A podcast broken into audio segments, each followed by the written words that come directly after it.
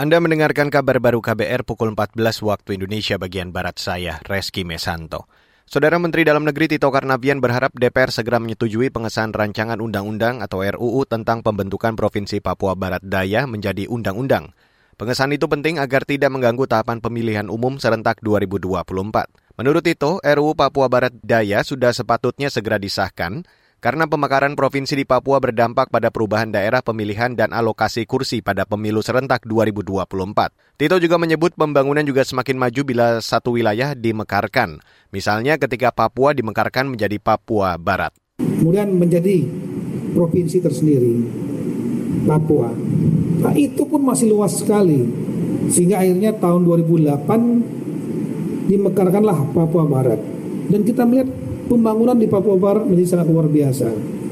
Bagaimana di Sorong, bagaimana di Manokwari yang satunya kecamatan dulunya sekarang menjadi hampir menjadi kota. Tinggal mungkin nantinya bisa menjadi kota ya, mudah-mudahan nanti ke depannya.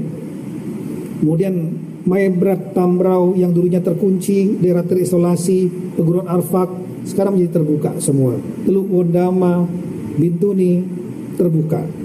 Menteri Dalam Negeri Tito Karnavian menambahkan hingga kini rancangan peraturan pemerintah pengganti Undang-Undang Pemilu yang disiapkan Kemendagri baru mengakomodasi tiga provinsi baru, yaitu tiga provinsi baru hasil pemekaran yakni Papua Selatan, Papua Pegunungan, dan Papua Tengah. Sebelumnya, Wakil Menteri John Wempi Wetipo menegaskan, jika hingga 6, jika hingga 6 Desember nanti tidak ada kejelasan hukum mengenai RU Papua Barat Daya, maka ketentuan terkait provinsi tersebut tidak akan masuk dalam Perpu Pemilu. Masih seputar Papua, saudara, setelah sekitar satu tahun mengungsi, ratusan warga Salkisor, distrik Aifat, Kabupaten Maibrat, Papua Barat akhirnya kembali pulang ke kampungnya.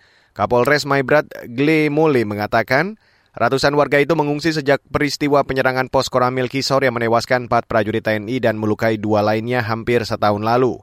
Kapolri menegaskan siap menjamin keamanan warga yang sudah kembali dari pengungsian. TNI Polri akan mendirikan pos penjagaan di setiap kampung. Kita tetap berupaya bagaimana caranya untuk memberikan keamanan kepada masyarakat. Baik TNI Polri kita siap untuk mengamankan masyarakat. Kita sudah merancang beberapa tempat yang harus diisi sehingga masyarakat bisa terjamin keamanannya.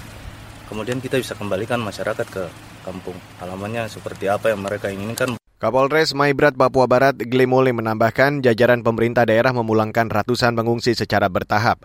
Saat ini baru 350-an pengungsi dari lima kampung yang kembali dari pengungsian. Selanjutnya, warga dari empat kampung lainnya akan dipulangkan sesudah ada jaminan keamanan dari TNI Polri. Saudara Badan Sepak Bola Dunia, FIFA menolak permohonan skuad Piala Dunia Denmark yang ingin mengenakan kaos bertema pro hak asasi manusia saat latihan. Kaos itu bertuliskan hak asasi manusia untuk semua. Penolakan itu membuat Federasi Sepak Bola Denmark atau DBU bereaksi keras. Menurut petinggi DBU, tulisan itu hanyalah bentuk dukungan terhadap hak asasi manusia dan bukan pesan politik. Meski begitu, DBU menyatakan menerima penolakan FIFA tersebut. Seperti diketahui, tuan rumah Piala Dunia Qatar menghadapi kritik atas catatan hak asasi manusia terkait perlakuan terhadap pekerja asing pada proyek infrastruktur untuk Piala Dunia dan hak-hak perempuan serta LGBTQ. Sejak lama memusuhi penyelenggaraan Piala Dunia di Qatar, Federasi Sepak Bola Denmark ingin menjadi yang terdepan dalam membela hak asasi manusia selama turnamen yang dimulai pada 20 November nanti. Dan saudara, demikian kabar baru saya Reski Mesanto.